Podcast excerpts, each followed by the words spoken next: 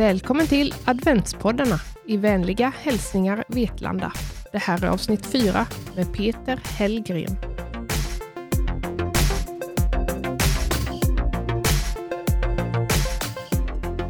Men då kör vi tycker jag. Mitt namn är Peter Hellgren och eh, jag är född på Storgårdsvägen i Bäckseda den 27 juli 1972 med Bäckseda kyrka som absolut närmaste granne. En kyrka där jag sedermera även konfirmerat och gift mig i. Mina föräldrar är Kenneth Hellgren som var husförsäljare på Myresjöhus och min mor Elsa Hellgren. Närheten till Emån och Paradisvallen i Bäckseda samt min fars stora passion för fiske och fotboll har kommit att färga mitt liv i mycket stor utsträckning. Framförallt fisket. Minns med stor förtjusning alla de eftermiddagar och kvällar som tillbringades nere vid Emån med ett fiskespö i handen tillsammans med ett stort flertal kompisar. Vid femårsåldern så köpte mina föräldrar en mindre båt med en liten aktersnurra som lades ner i Kyrkviken i Bäckseda precis där Emån gör en skarp krök nedanför Bäckseda kyrka. Och nu öppnade sig genast möjligheterna upp att komma ut och fiska gös, gädda och abborre på sjön Grumlan och Lillsjön. Där blev det under några år väldigt många pass på sjön tillsammans med min far. Minns speciellt alla de gånger vi begav oss hem sent på nätterna efter några timmars gösfiske då vi av någon anledning alltid lyckades fastna på stenen Kaffekokaren, utloppet från Lillsjön. Stenen har fått sitt namn av att den med hjälp av strömmen vid ett speciellt vattenstånd skapar en bubblande effekt i Emåns vatten. Där gick många propellrar sönder. Men att döma av de skraprester i olika kulörer som man kunde se på stenen under dagsljus så vittnade dessa om att vi var långt ifrån ensamma till denna bedrift. Under de tidiga åren så var jag även dagbarn hos Bill och Birgitta Olsson i Bäckseda. Och då även Bill hade ett stort fiskeintresse så var det alltid spännande att komma dit och höra på hans otaliga fiskehistorier. Detta triggade givetvis ett redan sedan innan stort fiskeintresse ännu mycket mer. Sandlådan där hemma grävdes snabbt ut till förmån för en fiskdamm som sedan fylldes med mött och abborre som man metade upp runt badplatsen i Bäckseda till grannskapets alla katters stora förtjusning. I samband med att man började första klass så blev jag också medlem i Vetlanda Sportfiskeklubb. Och det var nu som intresset för flugfiske tog fart på allvar. Låg och mellanstadiet tillbringade jag i Bäckseda skola och mer eller mindre samtliga raster gick åt att spela fotboll med klasskompisarna på de två grusplaner som då låg utmed Bäcksedavägen. Just själva skolarbetet hade väl under de tidiga åren inte speciellt stort intresse. Kommer så väg ihåg ett utvecklingssamtal. Det här borde ha varit i tredje eller fjärde klass. Det hade med min far. Man kan väl säga att det kanske inte var ett av de mest positiva utvecklingssamtalen som den fröken hade haft. Det enda som jag då tydligen var duglig på var idrott och matte. Det var en väldigt lång väg hem under fullständig total tystnad i bilen. Nej, under den tiden så var det fiskespöet och fotbollen mycket, mycket roligare. I slutet av 70-talet så köpte mina föräldrar ett sommarhus vid Vallsjön, ett par mil utanför Vetlanda. Och då gick det snabbt över från att tillbringa all tillgänglig tid ut med Emån i Bäckseda till otaliga timmar tillsammans med kompisar i båt på Vallsjön. Nu var det framförallt gäddfisket som lockade och de enda tillfällena man var på land var i princip när matsäcken var tom eller när fångsten skulle säljas i grannskapet. Man kan väl säga att det var inte alla damer i grannskapet som blev så förtjusta när vi släpades dit med den ena gäddan efter den andra. Redan från fem års ålder följde jag varje sommar med min far och mor till Norge för fiske i de norska laxälvarna. Just laxen är något jag fascineras väldigt mycket av. En fisk som efter att den levt ett till två år i älven som smolt vandrar ut i havet på en resa på tusentals kilometer för att slutligen återvända till samma älv och sten där den en gång föddes för att leka och skrapa grunden till kommande generationer av laxar. Det finns i mitt tycke ingen vackrare fisk än dessa silvertorpeder. Älven där min laxfiskekarriär började var Skördalsälven i Norge. Den ligger ungefär fyra mil från Trondheim i höjd med Åre i Sverige. Mina första laxar där lyckades jag fånga med flugspö innan jag ens hade fyllt sju år. Jag minns så väl att min far satte mig på en sten ute i älven med flugspöet i hand, där jag inte behövde kasta speciellt långt för att kunna komma i kontakt med de laxar som vandrade upp i älven. Under dessa resor så bodde vi alltid på en laxlounge som heter Hembregård. Och här träffade jag många kompisar som liksom jag följde med sina föräldrar på deras fiskesemestrar. Och det här är djupa bekantskaper som jag till väldigt stora delar har kvar än idag. Laxen vandrar framförallt upp i älvarna när det kommer lockvatten, det vill säga när vattnet till följd av snösmältning eller kraftiga regn stiger kraftigt. Har det varit lågvatten under en längre tid kan det komma väldigt stora stegar av lax. Minns en resa som jag och min far gjorde. Jag tror jag var ungefär 13 år gammal. Den hade föregåtts av en lång period av värme och torka som hade satt sina tydliga spår i ett väldigt lågt vattenstånd. Men strax innan avresa så hade det börjat regna kraftigt och ju närmare slutmålet vi kom på resan så blev rapporterna allt mer positiva från bekanta som redan var på plats. När vi hade ungefär 15 mil kvar och precis passerade den norska gränsen så min far inte köra längre. Men fisket var ju som sagt väldigt, väldigt bra. Så jag fick helt enkelt instruktioner om var gasen satt någonstans, hur kopplingen fungerade och sedan bar det iväg mot slutmålet och en helt otrolig fiskevecka. Som tur är så är väl det här preskriberat idag. Du lyssnar på adventspoddarna i vänliga hälsningar Vetlanda. Tillbaks till skolan så fick vi i årskurs 6 välja om vi vill gå vidare skolgången i Landsbro eller Vitala skolan i Vetlanda. Och då blev det Landsbro för min del. Mycket på grund av att ordna skolskjuts från Bäckseda och självfallet även att mina närmaste kompisar gjorde på samma sätt. Men även här följde mig fisket. Min klassföreståndare var en känd fiskeprofil vid namn Kurt Edman och under denna tid gavs det och togs emot många, många fisketips och historier oss emellan. Väl efter nian så var det åter tillbaks till Vetlanda igen och studier på Njurungsgymnasiet och fyraårig teknisk linje. Där man gick ettan till trean i Vetlanda och sedan det fjärde året i Jönköping. Givet att min far och även andra i släkten var inom husbranschen så föddes det där ett intresse, vilket fick till följd att inför tredje året var dags att välja mellan maskin eller byggteknisk inriktning. Så blev det byggteknisk, där jag sedermera läste det fjärde året på Erik Dahlbergsgymnasiet i Jönköping. Efter gymnasietiden så blev det vidare studier på högskola i Växjö och Jönköping och då jag även läste in parallell fastighetsmäklarexamen. Men när jag sedan var klar där i början, mitten av 90-talet, så befann sig Sverige i en ekonomisk kris med ett ränteläge som fullständigt skenade till följd av spekulationer mot den svenska kronan. Vilket också gjorde att byggnationerna helt stannade av. Började då titta på hur jag kunde vidga min utbildning och började läsa juridik och IT. Examensarbetet gjorde jag i Vetlanda på ett företag som hette IBS Industridata ett bolag som Lennart Hell tidigare hade startat och nu också var VD för. Lennart hade något år tidigare sålt företaget till det då börsnoterade IBS.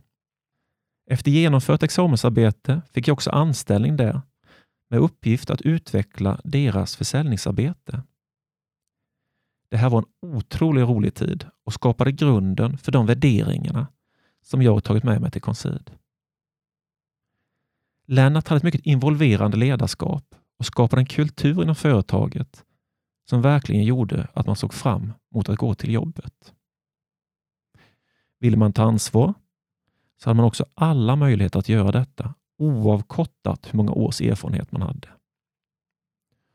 Och just detta att inte alltid stirra sig blind på ett CV och hur många års erfarenhet en person har, utan att se potentialen i individen och dennes drivkraft är något som jag tagit med mig i yrkeslivet. Mot slutet av 90-talet så kom kanske den yrkesmässigt mest galna tiden jag upplevt. Det här var under den så kallade dotcom-eran. Värderingarna på IT-bolag sköt i höjden utan rim och reson. Bolag som då Framfab, Icon Media Lab, Cell Network med flera liknande företag hade multipla värderingsmässigt som aldrig tidigare hade skådats på börsen. När det var som väst var värderingarna uppe i mellan 4 och 5 miljoner kronor per anställd. För att värdera efter vinst vid den här tiden, det gick ju inte. Då de allra flesta bolag faktiskt inte gjorde någon vinst. Mer eller mindre alla företag som hade IT i sin verksamhetsbeskrivning fick orimliga värderingar i denna tid. Det här gällde dock inte IBS. IBS var nu ett internationellt IT-företag med en omsättning på i runda slängar 3 miljarder och drygt 2 500 anställda fördelade på ett 60-tal länder, var den svenska verksamheten omfattade ungefär 900 anställda. IBS var då noterat på Stockholmsbörsen och hade en slogan, tänk nu att detta var runt millennieskiftet, som löd citat vi är trygga och tråkiga. Slut citat. Bakgrunden till den var att man jobbade med en äldre och som man beskrev det mer beprövad teknik. Men det kanske inte var just det som gjorde att företag som vid denna tidpunkten då Framfab, Icomedia Lab, Cell Network och deras företrädare som Jonas Birgersson, Johan Stell von Holstein och Christer Sturemark med sina flislipsar, neongula fleecejackor och så vidare sprang iväg och dagligen slog nya värderingsrekord på börsen. Tålamodet sinade så småningom hos IBS aktieägare som vill ha en betydligt bättre avkastning på sitt insatskapital än vad man nu fick som ägare av IBS. Och Detta ledde så småningom till att man bytte namn på det dotterbolaget som jag jobbade på. Från IBS Industridata till IBS Net Commerce med taglinen Fokus på e-handel. Jag minns detta jätteväl. Vi var på en konferens med den svenska delen av IBS på Billingehus, en stor konferensanläggning strax utanför Skövde. Man hade då projicerat Stockholmsbörsens O-lista på den ena väggen i en alldeles gigantisk konferenslokal. Vi var ungefär 700 närvarande anställda och då sände man iväg ett fax till TT, tidningarnas telegrafbyrå. Och varför man som ett stort IT-bolag sände iväg ett fax kan man ju fråga sig. Kanske var det på temat vi är trygga och tråkiga. Jag vet faktiskt inte. Men innebörden av faxet var att IBS startar IBS Net Commerce med fokus på e-handel.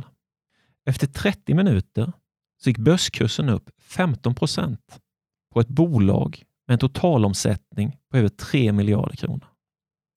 Och Det här var enkom baserat på ett namnbyte där man på ett litet dotterbolag med inte mer än 25 anställda hade skiftat namn. De närmaste månaderna fortsatte denna uppgång och börsen gick under en tre månaders period, det vill säga på IBS aktie, upp med över 70 procent. Självfallet gav detta ledningen blodad tand och ledde sedermera till att man också gjorde ett vd-skifte på det dotterbolag som jag arbetade på. Vi är nu inne tidsmässigt på våren 2000. Den nya vdn hade en bakgrund där han drivit upp och sålt så kallade dotcom-bolag och första träffen med honom skedde under senvåren 2000.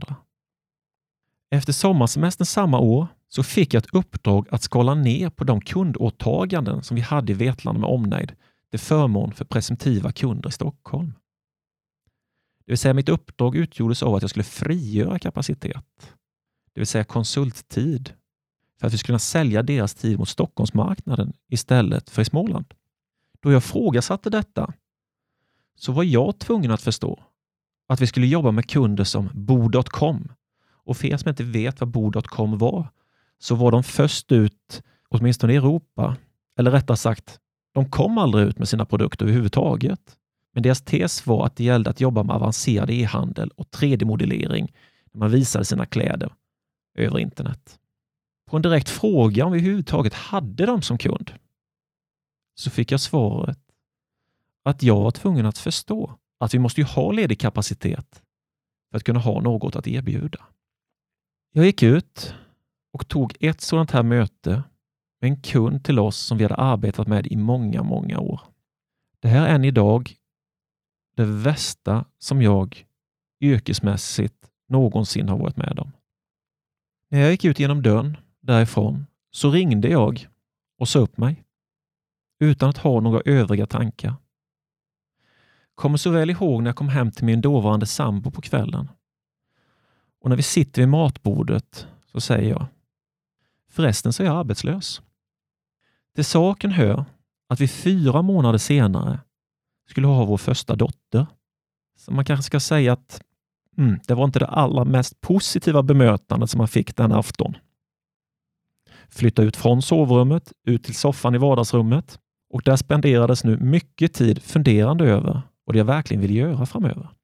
Här kom ju tankarna osökt in på kulturen och stämningen som tidigare varit så centrala begrepp på IBS industridata under tiden som Lennart Hell var VD där. Jag tog kontakt med en gammal kollega från den tiden, Henrik Sandell, som nu bodde i Stockholm. Och tillsammans så kom vi fram till att vi skulle bygga ett värderingsstyrt bolag under tesen vi ska bygga det bolag som vi själva vill jobba på och som kvalitetsmedvetna kunder vill jobba med. Det här är vårt motto än idag. Tidsmässigt är vi nu inne i oktober 2000. Sagt och gjort så köpte vi ett lagerbolag, det vill säga ett färdigbildat bolag utan verksamhet av en revisionsfirma i Vetlanda. Parallellt med det här så skickar vi in en blankett till Bolagsverket med önskan om namnändring. Ett lagbolag heter oftast någonting med stiftaren följt av en nummerserie. Och Det är klart, det låter ju inte jätteförtroendefullt när man ska försöka sälja in företaget hos potentiella kunder. Det här med namn tyckte vi var lite svårt. Men det namnet vi först ville ändra till var EPS. Och då vi trodde att vi skulle få igenom det här namnet hos Bolagsverket så var det också det vi presenterade oss med när vi bokade upp och genomförde kundbesök. För just det här med stiftaren lät ju inget vidare. Du lyssnar på adventspoddarna i vänliga hälsningar Vetlanda. Nåväl, några veckor senare så fick vi besked om att Bolagsverket inte inte godkände EPS. Så då var det snabbt att komma på ett nytt namn och skicka in för godkännande. Dock var det lite pinsamt att bara några veckor efter att vi hade kontaktat potentiella uppdragsgivare i namnet EPS gå ut och säga att nu har vi namnändrat. Det blev inte bättre av att namn nummer två sedan också fick avslag. Så det var tredje förslaget som gick igenom och det var då Concid, som är en förkortning av Consideration. Jag kommer speciellt ihåg en affärsmöjlighet som vi drev mot SPP, pensionsbolaget, där IT-chefen vid fjärde mötet frågade citat och vad heter ni idag då? Det som var tur vid denna tidpunkt var att det var en väldigt stor efterfrågan på IT-konsulter. Så trots debaclet med de konstanta namnändringarna och det därmed stukade förtroendekapitalet så såg de ändå något i oss som individer. Så vi fick det här uppdraget och bolaget började nu rulla på. Annat var det den 7 mars 2001. Det är den tidpunkt som man benämnt som den riktiga starten på dotcom-kraschen. Under en period om enkom någon månad försvann i princip alla våra uppdrag. Och att nu vid denna tidpunkt gå ut och söka riskkapital var ju helt meningslöst. Ängelinvesterare och banker försökte nu rädda det som räddas kunde i branschen och det var väldigt många IT-företag som gick i konkurs vid denna tidpunkt. Och här var faktiskt också väldigt nära att konsidhistorien tog slut. Men vi trodde så på vår idé om att bygga ett socialt hållbart bolag. Så att eh, det var att belåna hus och bil och gå utan lön ett antal månader och samtidigt jobba stenhårt trots det minst sagt motiga konjunkturläget för att försöka finna uppdrag. I brist på uppdrag som vi kunde ta betalt för så var vi tvungna att ha någonting att göra. Henriks far, Håkan Sandell, hade vid denna tidpunkt ett uppdrag åt regeringen att se över hur svenska folket skulle kunna placera en del av sitt pensionskapital i fonder för att därigenom ges möjlighet till en bättre avkastning och därmed en högre pension den dagen det var dags. Premiepensionsmyndigheten hade sedan tidigare lagt ut ett uppdrag på ett av världens största IT-konsultbolag, ett amerikanskt bolag vid namn CEC, att ta fram denna kapitalhanteringslösning.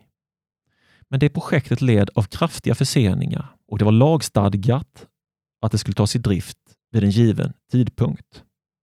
När de inte nådde denna tidpunkt så var vi tvungna att göra en lagändring av Sveriges lag och skjuta på uppstarten med 12 månader.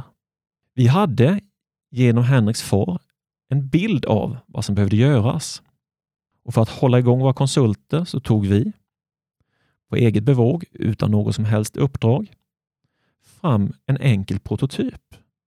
Efter att ha tillbringat många dagar sittandet utanför och vänta på Hans Jakobsson utanför hans kontor, dåvarande generaldirektör på PPM, så fick vi till slut audiens och kunde få visa upp vår prototyp för PPMs ledningsgrupp. Det här var en torsdag. Vi stegade upp till sjunde våningen i korsningen Regeringsgatan, Hornsgatan i Stockholm. Under ena armen så bar vi en bärbar dator och under den andra armen en liten skrivare. Vi simulerade 10 000 val av fonder och körde de här transaktionerna. Vi hade sammantaget en timme till vårt förfogande. Och när timmen hade gått så packade vi ihop våra saker och man sa i princip ingenting från PPMs sida. På tisdagen därefter så får vi en förfrågan om vi kan tänka oss, baserat på den prototypen vi tagit fram, att utveckla ett reservsystem till huvudspåret som då fortfarande drevs av det multinationella IT-konsultbolaget CSC. Man var från PPMs sida dock tydlig med att det var just ett reservsystem. Vi uppfattade också tydligt att så fort huvudspåret var just på spåret så var vår uppdrag slut. Det här var ett sätt att hantera den stora massmediala uppståndelsen som den här förskjutningen på ett år hade inneburit. Jag kommer så väl ihåg en första sida på Dagens Industri där det stod citat. Nu förlorar Sveriges framtida pensionärer 10 miljarder på PPMs drabbel. Det var ju under slutet av 90-talet, början 2000 en väldigt kraftig börsutveckling. Nu hade vi helt plötsligt uppdrag.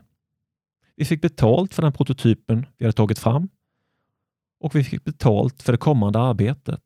Och Det här skulle jag säga är en riktigt viktig milstolpe vi kunde börja ta ut lön och vi jobbade nu vidare med det här projektet.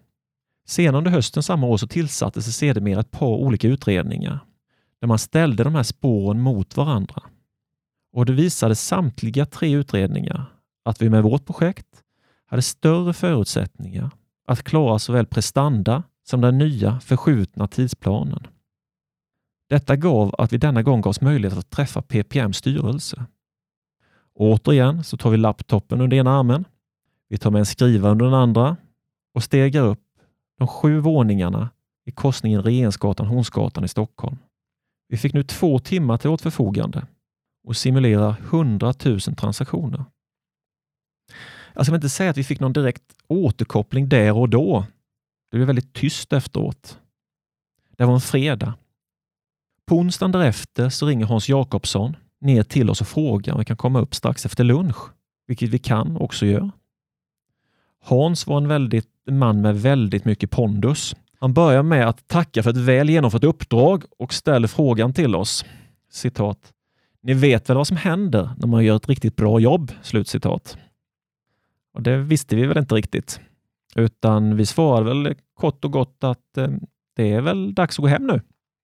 Ja, det var ju det man hade sagt mellan raderna när vi fick vårt uppdrag från första början att utveckla det här reservsystemet.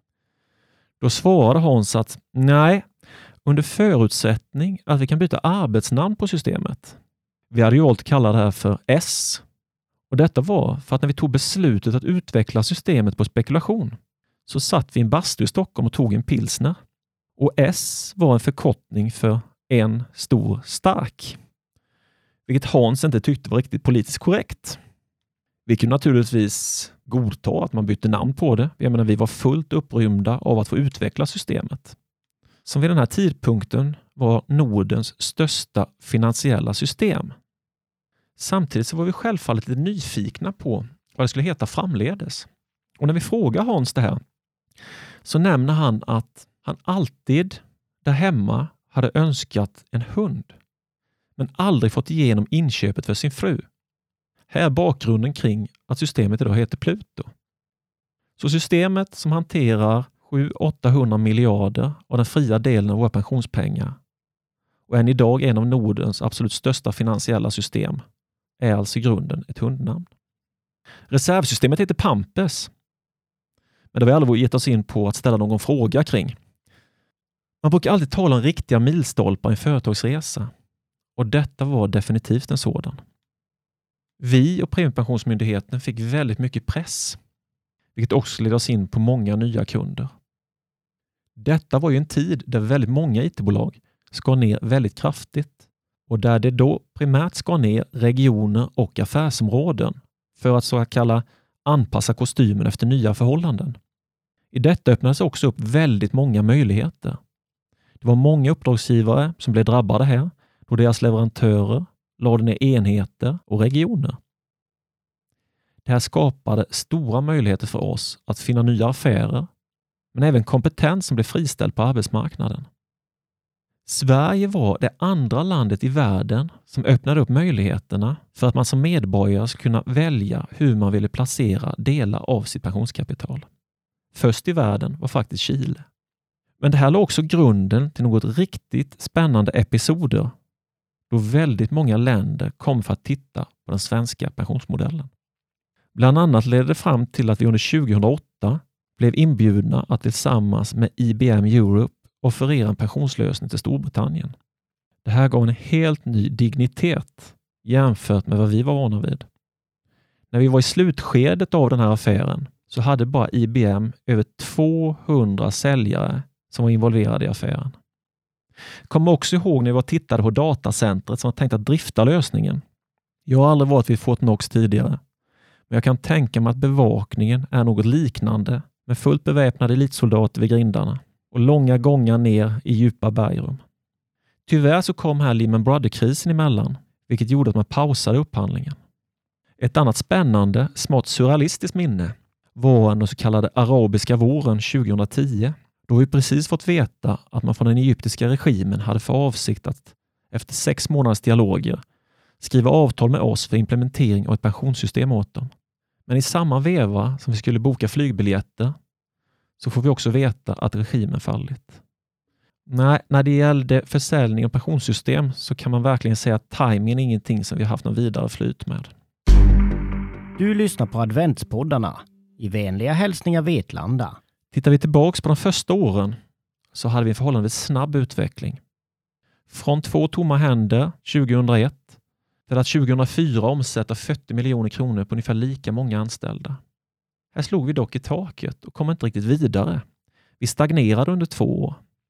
Då vi kliade oss i huvudet och satte oss ner för att analysera trånga sektioner så kom vi snabbt fram till att försäljningskapaciteten var en absolut sådan. Vi hade en marknad som efter dotcom-eran hade mognat betänkligt. Och efter ett par felrekryteringar när vi skulle stärka upp vår försäljningsorganisation med individer som hade jobbat inom försäljning under dotcom-eran och många år tidigare än så, så valde vi att satsa på yngre individer. Med stor vilja och förmåga att snabbt ta till sig nya metoder och kunskap. Ytterligare ett kriterie var att det var önskvärt att man kom från en entreprenörsfamilj.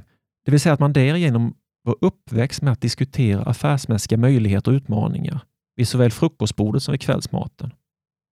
Vi fick här in några riktiga stjärnskott och det här gav väldigt mycket energi in i organisationen. Vi har allt sedan 2006 sedan haft en genomsnittlig årlig tillväxt om ungefär 30 procent. 2006 var året då vi flyttade upp huvudkontoret från Vetlanda till Jönköping och anledningen till det var helt enkelt en större tillgång på kompetens och en större marknad för våra tjänster. Just 2006 annars är det tuffaste året jag hittills upplevt privat. Det var året då min far Kenneth gick bort, endast 66 år gammal, i leukemi. Jag förlorade inte bara en fantastisk pappa den gången, utan också min absolut bästa vän. Det här var en fruktansvärt tuff tid och är något jag väldigt ofta med stor sorg tänker tillbaks på. Den som inte har haft någon nära anhörig som drabbas av cancer kan aldrig sätta sig in i vilken hemsk sjukdom det här är. En viktig sak dock som gjorde att jag tog mig igenom det här var att jag just hade arbetet med Concid som skingrade tankarna. Fram till 2008 fanns företaget på enkom tre orter i Sverige. Det var nu Jönköping, det var Göteborg och Stockholm. Nu började en riktigt rolig period med nyetableringar i rask takt. Först ut var Norrköping, följt av Malmö och Sundsvall och sedan har det rullat på fram till dagens 20 kontor. 2011 var året då vi passerade en omsättning på 100 miljoner kronor. Och I det skenet så är det speciellt kul att vi idag, 1,8 år senare, passerar en miljard och också under början på nästa år når tusen medarbetare. Vi har enkom i år anställt drygt 300 nya kollegor och just den energin som det ger tycker jag är helt fantastisk. Alla nya tankar och idéer som kommer in och boostar organisationen. Vi har haft förmånen att få en hel del fina utmärkelser genom åren. Men det jag värderar absolut högst är att vi två av de tre senaste åren blivit framröstade som Sveriges bästa arbetsgivare. Givet att vi är ett tjänstedrivet bolag där våra medarbetare utgör hela vår balansräkning. Och vår balansräkning den går ut genom dörren klockan fem varje dag. Vi strävar inte efter att bygga arbetsplatser utan mötesplatser där folk trivs, växer och har kul tillsammans. Ser man till bostadsort så gick för ganska exakt 20 år sedan flyttlasset från Vetlanda till Nässjö då jag flyttade upp till min dåvarande flickvän. Detta var tänkt som en högst tillfällig lösning när vi skulle leta efter hus i Vetlanda. Sedan kom dock mina två döttrar, Nicole och Natalie, och i takt med att de växte upp så kom en flytt tillbaks till Vetlanda att te sig allt mer avlägsen. 2006 så köpte vi hus på Parkgatan i Nässjö där jag bodde fram till 2012. Då jag och min dåvarande fru i skilda vägar. Det här var också en turbulent tid. Det blev nu tre flyttar under en tvåårsperiod. Efter två lägenheter så hittade jag ett hus på Kväckfällsgatan i Nässjö. Inte mer än ett par hundra meter från där jag tidigare bott på Parkgatan. På det sättet så blev det smidigt för barnen att kunna ta sig mellan sina föräldrar på ett bra sätt. Och det var det som hade det absolut högsta prioriteten. Nu börjar dock barnen bli äldre och inom de närmaste åren så kommer jag återigen att närma mig Vetlanda. Vilket jag tycker ska bli väldigt kul då det alltid har haft en speciell plats i hjärtat. Och på något sätt så känns det faktiskt som att cirkeln sluter sig. När nu detta avsnitt sänds så är det inte mer än två dagar kvar till jul. Och därmed så vill jag passa på att tillönska alla som lyssnar en riktigt god jul och ett gott nytt år. Och passa nu på att njuta av lite välförtjänt ledighet och tillvara på tiden tillsammans med nära och kära och ladda batterierna ordentligt inför ett nytt år fyllt med nya möjligheter. Tack!